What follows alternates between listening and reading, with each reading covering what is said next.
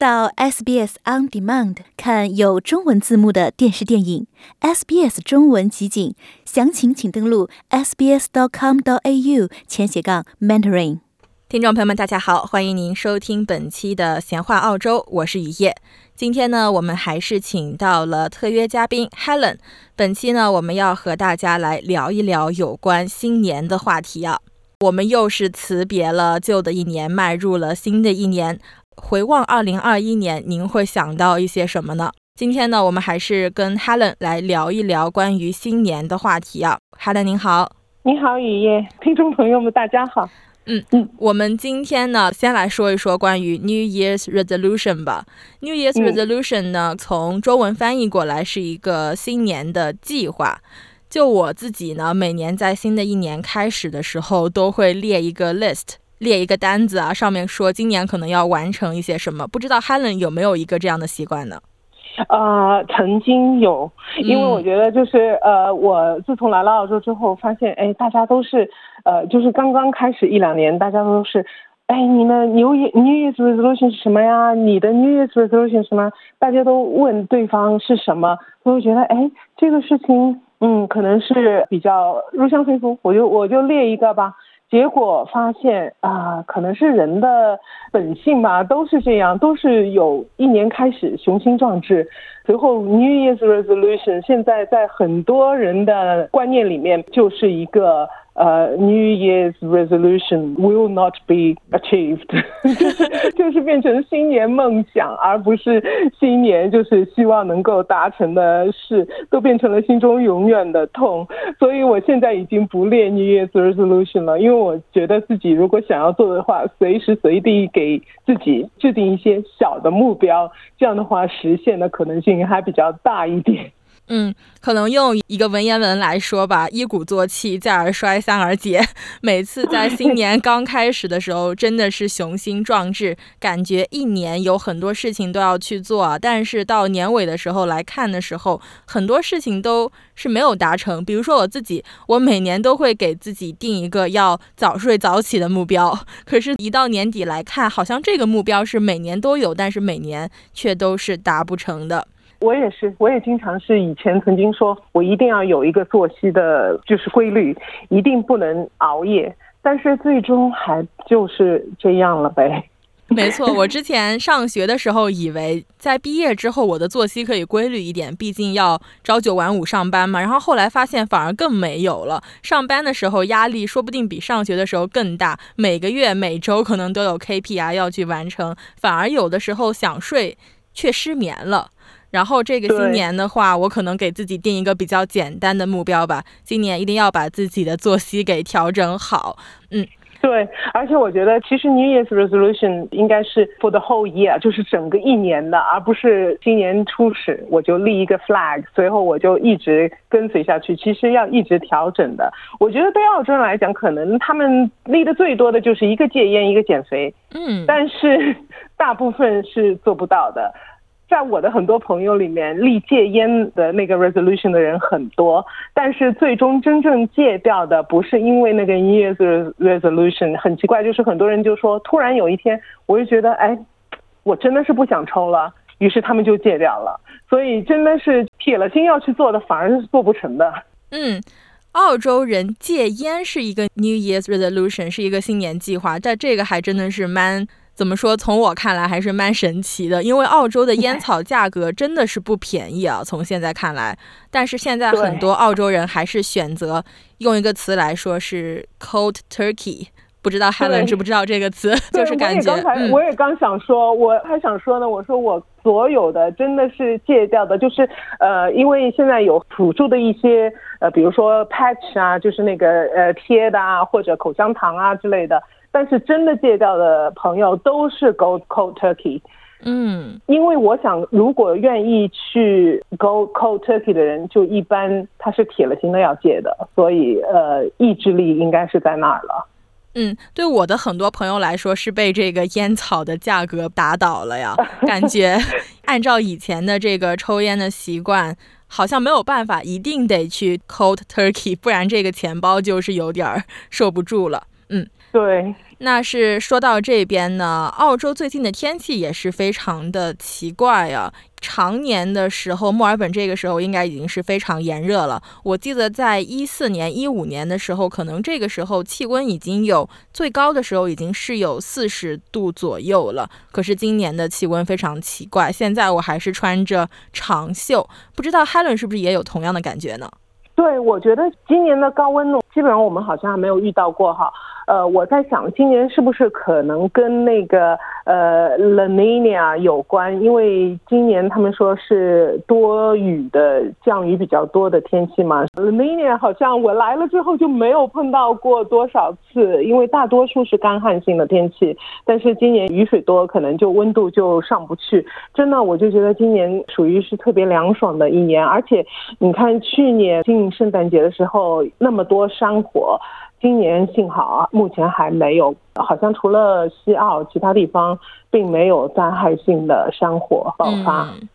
相信这个二零一九年的山火爆发，很多人还是记忆犹新啊。今年这个天气比较凉爽，山火爆发的可能性稍微也是小了一点，相信很多人也都是稍微松了一口气啊。但是现在最热的月份一月份还是刚刚到来，如果说是想要去澳洲本地避暑的话，不知道 Helen 有没有什么推荐的去处呢？呃，其实我觉得作为一个四面环海的一个国家，呃，澳洲人避暑的大部分都是去海滩嘛，因为海边即便再热，到了下午必定有海风，呃，凉爽的海风吹来，的确是不错的。但是呢，我家呢，我们比较喜欢去的一个地方呢，就是往高处走，我们去山上。关注我小红书的朋友们，大家可能知道，因为我们是 Mount Buller 滑雪俱乐部的一个成员嘛。其实呢，它那边的夏天也是一个非常好的去处，因为我记得有一年是四十多度的墨尔本天气，我们觉得哎，我们就去避暑去了，所以我们就到了山上。那时候最高也不过二十七八度，晚上还是挺凉爽的。但是怎么说呢？我觉得山上可能也不是适合所有的人，因为呃，如果说你家里有孩子，或者你自己特别喜欢山地自行车，骑山地自行车，还有喜欢 hiking，就是呃徒步远足的话，那山上是非常适合你的。但是有比较小的孩子呢，还是海边是最好的，因为哪个孩子不喜欢去看海啊？呃，在沙滩上玩呐，搭一个沙滩城堡啊，这个我觉得海边还是更适合一些比较小的孩子。嗯，简单总结一下吧，要不就是上山，要不就是下海，两个方法 可能都是非常适合避暑的。但是今年不懂 Helen 有没有发现一个现象，就是还没有到新年，但是外出出游的澳洲人已经比常年来看是多了很多呢。对啊，是啊，因为今年呢，我们就前两天我们上山去了一次，随后呢，昨天回家路上我就觉得，哎呀，我昨天还在跟我先生说，怎么路上车这么多？因为通常呢，我觉得澳洲人的圣诞新年那个假期还是有规律的，圣诞节大家朋友呃家人，主要是家人大家聚一聚，随后呢，圣诞跟新年之间呢，我就觉得呃，我们以前一直叫它为。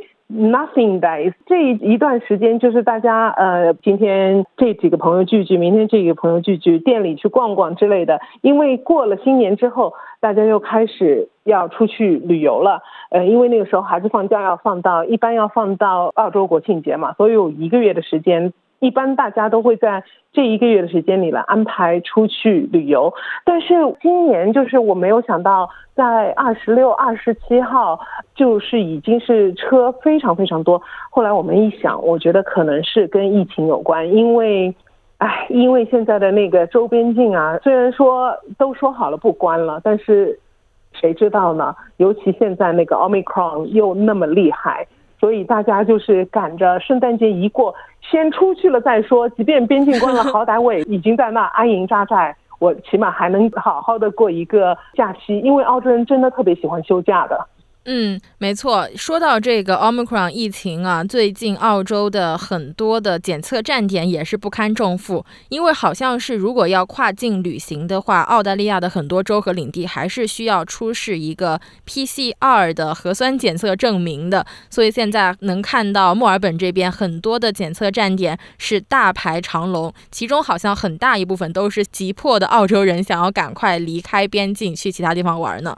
对对，上次看新闻，我觉得哎挺好笑的。那个时候封城吧，很多澳洲当地人都抱怨说，哎，我们封着。我觉得很多人是很反对封城的，即便是对那个打疫苗完全没有抵抗的，就是觉得是一件很好的事，还是反对封城。但是反而到了圣诞节之前，他们倒反而开始。自我隔离起来了，因为他们不想在出州边境之前被测出阳性，这样的话，他们的整个的假日计划就泡汤了。所以，我想从这个可以看出，就是对澳洲人来讲，一个和其他州的家人团聚，还有一个呢，能够实现自己的一个度假的计划是有多么的重要。嗯，从现在这个确诊病例数能看得出来啊，特别是在这个圣诞假期到来之后，新冠病例的确诊人数也是不断的飙升。可以看出来，之前很多病例可能都是隐藏着，现在为了要去看家人呢，或者是外出游玩，不得不去进行 PCR 的核酸检测，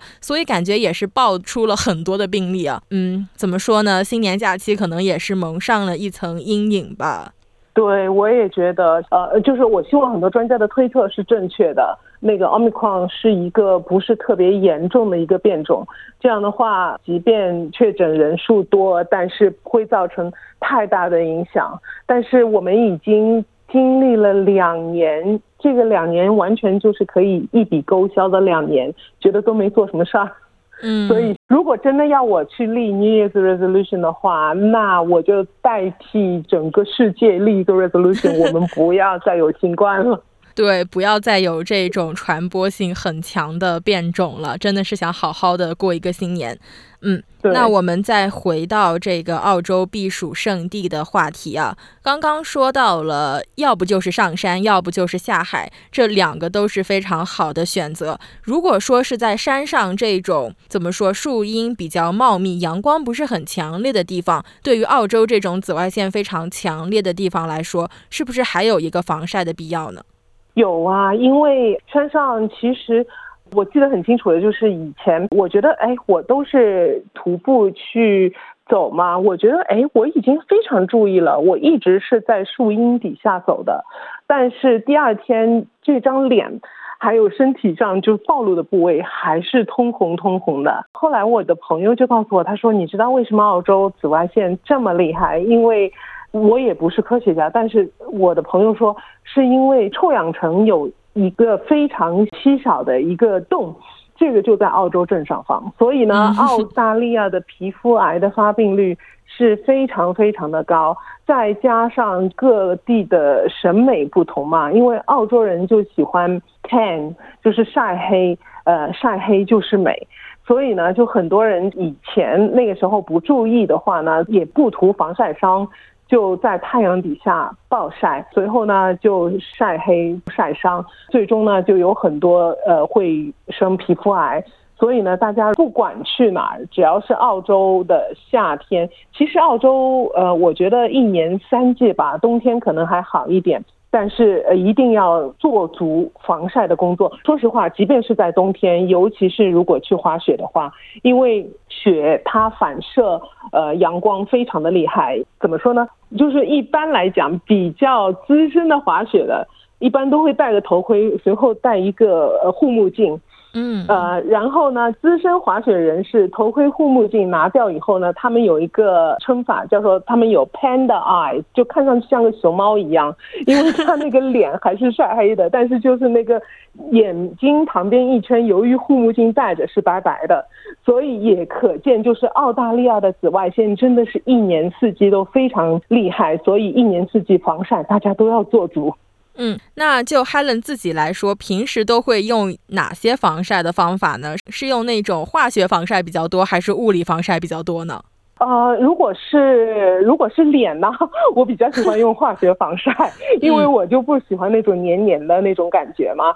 但是如果是身上呢，一般是用物理的防晒霜，因为我觉得还是可以找到就是不是特别黏的。而且我觉得，就是澳洲，它对防晒是一年比一年重视。因为我记得我刚刚来的时候，那个时候它的 SPF 就是防晒霜的 SPF 数值，一般呢是从十五到三十。随后渐渐的，你现在已经很少能够看到，就是如果是纯防晒霜的话，一般都买不到十五的了，就最起码是三十，要不就是五十加了已经。随后呢，以前呢也不注重，就是小孩子穿衣服它要有防晒指数，但是现在的衣服呢也要有防晒指数了。随后我不知道雨夜知不知道，就是澳洲有一个防晒的标语叫 Slip Slop Slap，这个我好像真的没有听说过呢，可以请 Helen 来讲一讲吗？呃，就是我刚刚来的时候呢，澳洲的防晒标语是 Slip Slop Slap。Slip 就是穿上防晒的衣服，Slop 就是涂上防晒霜，Slap 就是 Slap on a hat，就是戴上一个帽子。随后呢，随着时间的推移，它现在又加了两个 s，它变成 Slip Slop Slap Seek Slide。Seek 呢就是寻找，就是寻找什么呢？就是寻找有树荫的地方或者有遮阳伞啊，就是可以遮阴的地方。Slide 呢，就是戴上墨镜，因为太阳紫外线对眼睛也非常不好。所以呢，就是随着时间的推移，你就看到澳洲对那个防晒这一方面就越来越重视，越来越重视。所以我觉得，就是作为我们华人吧，呃，因为我们没有经历过紫外线这么强的一种情况，所以我们应该真的是遵从。这个五个字的标语一定要保护好自己。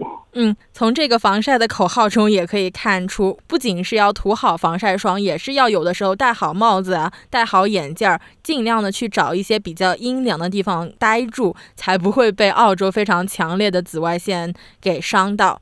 那刚才 Helen 也是说到了，澳洲的防晒霜现在已经很少可以找到 SPF 十五以下的了。那现在如果说是选用防晒霜的话，是不是得选用 SPF 五十往上的才行呢？对抗澳洲的紫外线的话，一一般现在都是五十往上了。其实我觉得也没得选了。我也有朋友，就是我觉得澳洲人就是天生，因为他们本来就觉得有一个 tan，就是 olive skin，就是橄榄色的皮肤，他们就觉得特别的美。所以呢，我我的很多朋友呢，还是对涂防晒霜有一点呃抗拒。所以呢，他们老是说，哎呀，我真的不喜欢呃五十的防晒霜，我宁愿最好来个二十五的，二十啊，哎十五现在找不到，他们就抱怨。但是我觉得怎么说呢？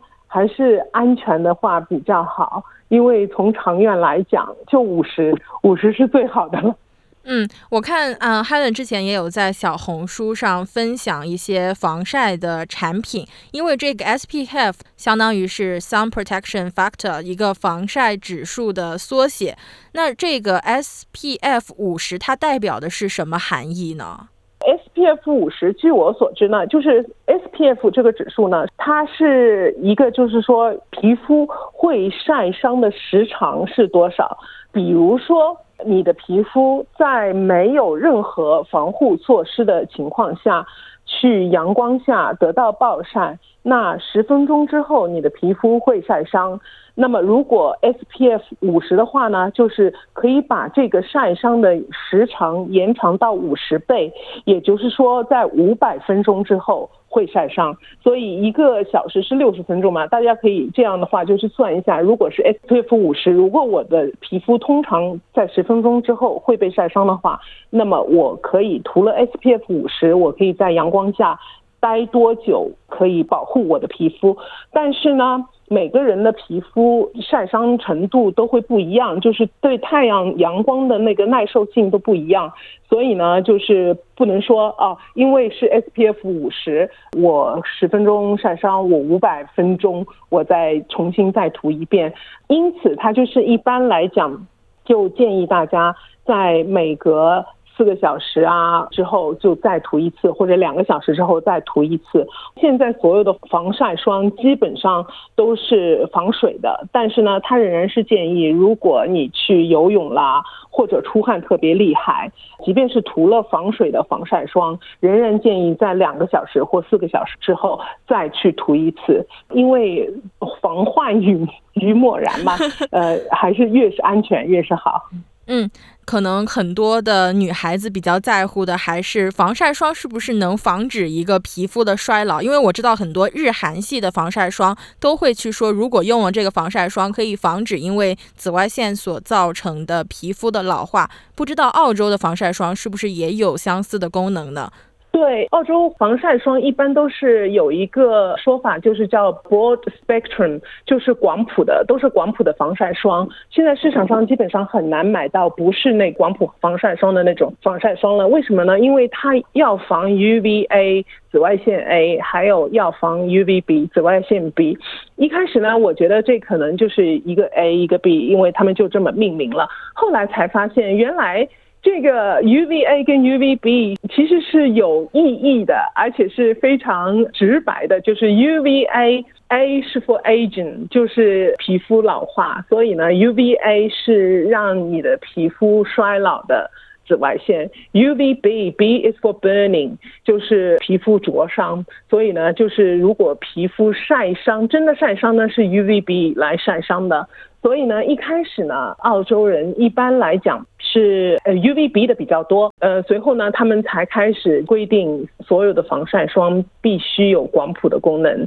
所以呢，就是一般只要你买到广谱的防晒霜，也就是说，澳洲应该是百分之九十以上的防晒霜都是广谱的了吧？随后就可以防止皮肤老化。嗯，之后大家在超市啊，或者是药房选购防晒霜的时候，也可以关注刚才 Helen 说的这两个指数啊，一个是 SPF，一个是 BS Board Spectrum，这两个指数啊，就可以选到又可以防衰老又可以防晒伤的防晒霜了。那 Helen 平时自己都会用哪一些防晒霜呢？我们这边是没有一个商业推广的目的啊，只是和大家做一个分享。对我呢，平时一般就是我会买 Cancer Council，就是澳洲防癌协会的那个防晒霜呢。我买来是我家里两个男生用的，因为他们无所谓，他们不管粘不粘，只要是防晒霜就行。所以呢，所以我就买回来给他们用。因为这一些产品，如果买那个防晒协会的产品呢，它有一部分会用作癌症研究，所以我觉得这个还是非常有意义的。随后呢，说实话。脸上的防晒霜呢，我用的最多的是安耐晒，还是用日系的比较多，因为我觉得就是他们虽然说我的皮肤不是特别敏感，所以呢，就是虽然里面它放了酒精，有酒精成分，这样的话呢就比较干爽，但是因为我皮肤不敏感，影响不到我，我要的就是这种干爽的感觉。随后身体上的呢，其实超市里有几款还是比较干爽的，就是涂在身体上，觉得还是比较干爽的，我就用那些。但是我一定会买五十加，我不是五十加的话，我是绕道而行的，因为我觉得既然涂了，咱就要它有起到百分之百的作用。嗯，没错，感觉防晒无小事啊，因为呃，在晒伤之后，不仅是疼，之后的痒也是非常会让人难以忍受的。对此，我真的是深有体会。说呢，我就觉得，哎呀，真是。疼我可以接受，我有一次是去斐济玩，那个时候我想啊，反正我去那个 snorkeling，我只是一会儿就是浮潜，对吧？我就去一会儿，呃，时间不久，我就懒得涂了，结果还是被晒伤了。疼还能够忍受，那个痒真是，哎，生不如死啊！而且它的持续时间还是挺长的，挺长的一段时间内都要忍受那种痒，但是却不能使劲的去抓它、去挠它那种感受，真的是做好防晒，在澳洲的夏季非常非常的重要了。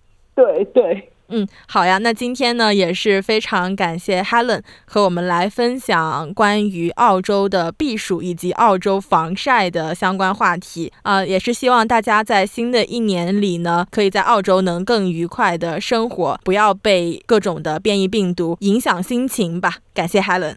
对，谢谢谢谢雨嫣。想听到更多这样的故事吗？您可以通过苹果播客、谷歌播客、Spotify。或者您喜爱的方式下载收听。